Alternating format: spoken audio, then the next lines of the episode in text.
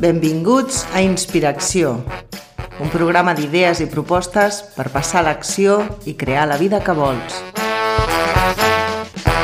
Hola, el meu nom és Mònica Segovia i en aquest episodi parlarem de dues energies que tots tenim, masculina i femenina. Tot l'univers està regit per dues forces en constant atracció – el taoisme parla del yin i el yang, l'hinduisme de Shiva i Shakti. La física parla de pol positiu i negatiu. A la natura sempre hi ha una força que emet i una que rep. El tantra parla d'una energia femenina i una energia masculina. Tots els éssers som una barreja d'aquestes dues forces. Energèticament, tots els éssers humans, homes i dones, estem formats per energia femenina i masculina. De fet, durant el dia, depenent de l'entorn i de la situació en la que et trobis, estàs utilitzant una energia o una altra sense adonar-te'n. Tots tenim la capacitat intrínseca de connectar amb les energies del nostre interior i desenvolupar les dues parts. Per exemple, si estàs a la feina, gestionant o dirigint un equip per aconseguir uns objectius determinats, estàs en el teu masculí. Tens un rol actiu. Pensa en com està el teu cos, rígid, vertical, fort... Ara pensa quan estàs ballant, movent el teu cos, el ritme de la música... Aquí estàs en el teu femení. Tens un rol més relaxat i passiu. El teu cos flueix i es deixa portar per la melodia. Avui en dia, les energies masculina i femenina es combinen en forma dinàmica a les nostres vides, sense importar el gènere, i a l'estar en equilibri, això provoca que tant homes com dones siguin persones més completes i íntegres. Conèixer el que tots tenim a dins ens serveix per entendre com i per què actuem d'una determinada manera i per ser capaços de mostrar la millor versió de nosaltres mateixos, ja sigui a la feina, a les relacions personals o en qualsevol altre àmbit. Per una banda, ser femení és aquella vessant de la persona que integra conceptes com l'empatia, la capacitat de treballar en equip, de cooperar, la facilitat de la multitasca, la voluntat d'inclusió i la predisposició d'abraçar la diversitat. Així com la part que dubta, que és més perfeccionista i insegura. L'energia femenina està vinculada a l'hemisferi dret del cervell, on conviuen els atributs de la creativitat, la imaginació i la capacitat de comunicació. D'altra banda, ser masculí s'identifica amb la ment racional, i està regit per l'hemisferi esquerre del cervell, que és el de l'anàlisi, la lògica i la precisió.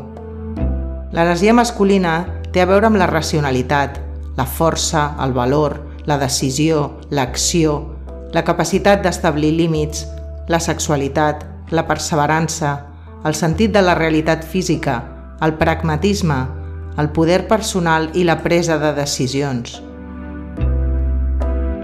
La ciència ha demostrat que el cervell està clarament dividit en dues parts iguals, i jo no crec que la natura cometi errors. Si tenim dues parts iguals, és perquè cadascuna d'elles té una funció igual d'important. Cadascuna en el seu terreny ens aporta la totalitat per ser persones completes. L'energia femenina està en contacte amb les emocions. Aquell dia que et lleves una mica xof o més alegre de l'habitual, és perquè estàs en contacte amb la teva energia femenina. Ser capaços de sentir fa que el món sigui un lloc interessant i no viure com un zombi carent d'emocions. L'energia femenina també té com a objectiu rebre i donar amor. I la reconeixes en tu quan ets a prop de la gent que estimes incondicionalment. El fluir constantment, deixar-se portar, canviar d'opinió, també està basat en l'energia femenina i t'ajuda a adaptar-te al món que t'envolta i a ser més flexible. Un altre factor important és la possibilitat de compartir el que t'està passant. La confiança que genera vincles i que et connecta també amb la teva energia femenina. En resum, l'energia femenina es basa en la capacitat d'estimar, la sensibilitat, les emocions, l'afecte, la intuïció, la tendresa, la comprensió, la compassió, la generositat, la col·laboració i la capacitat de perdonar. L'energia masculina, per la seva banda, se sent còmoda amb un objectiu concret, un propòsit per tal d'enfocar els esforços en aconseguir una fita determinada. Aquesta energia et pot ajudar molt a passar de la idea a l'acció i oferir la teva millor versió per aconseguir allò que vols. L'energia masculina, a diferència de la femenina, s'enfoca en una tasca a cada moment, una cosa darrere de l'altra, ordre. Tot i que sembla un tòpic, això és el que realment et farà aconseguir els objectius marcats. Aquesta energia és més estable, vertical, no es veu afectada pels elements externs, i això et pot ajudar en moments en què estiguis en entorns difícils i amb molta intensitat emocional. Una altra característica de l'energia masculina és la presa de decisions. Aquella ànsia de llibertat que t'empenya a trobar la satisfacció en les coses que fas i a crear una vida que et permeti fer el que realment vols. Per contra, l'energia masculina mesura la vida en base a l'èxit, ja sigui laboral, econòmic, familiar, acadèmic, sempre en competició per aconseguir el millor. Òbviament, aquesta perspectiva ben enfocada té molt de potencial, però mal conduïda pot ser molt nociva.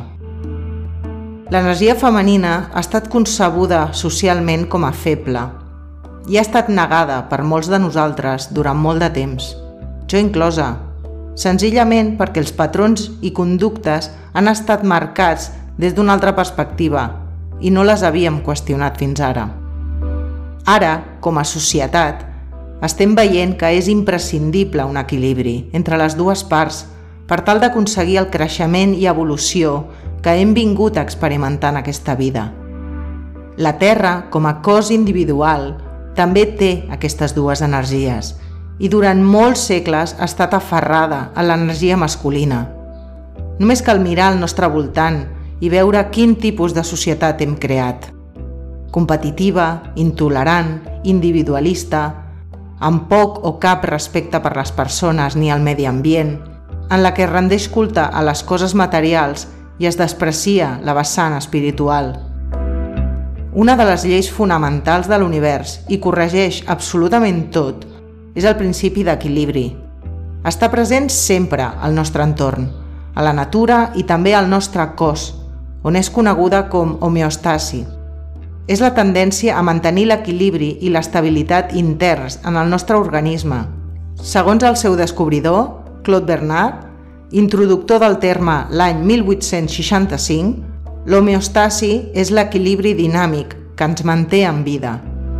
Alguns exemples són la regulació de la quantitat d'aigua i minerals al nostre cos, coneguda com a osmoregulació i que té lloc principalment als ronyons, la regulació de la temperatura corporal, realitzada principalment per la pell i la circulació sanguínia, la regulació de la glucosa a la sang, realitzada principalment pel fetge i per la insulina, secretada pel pàncreas.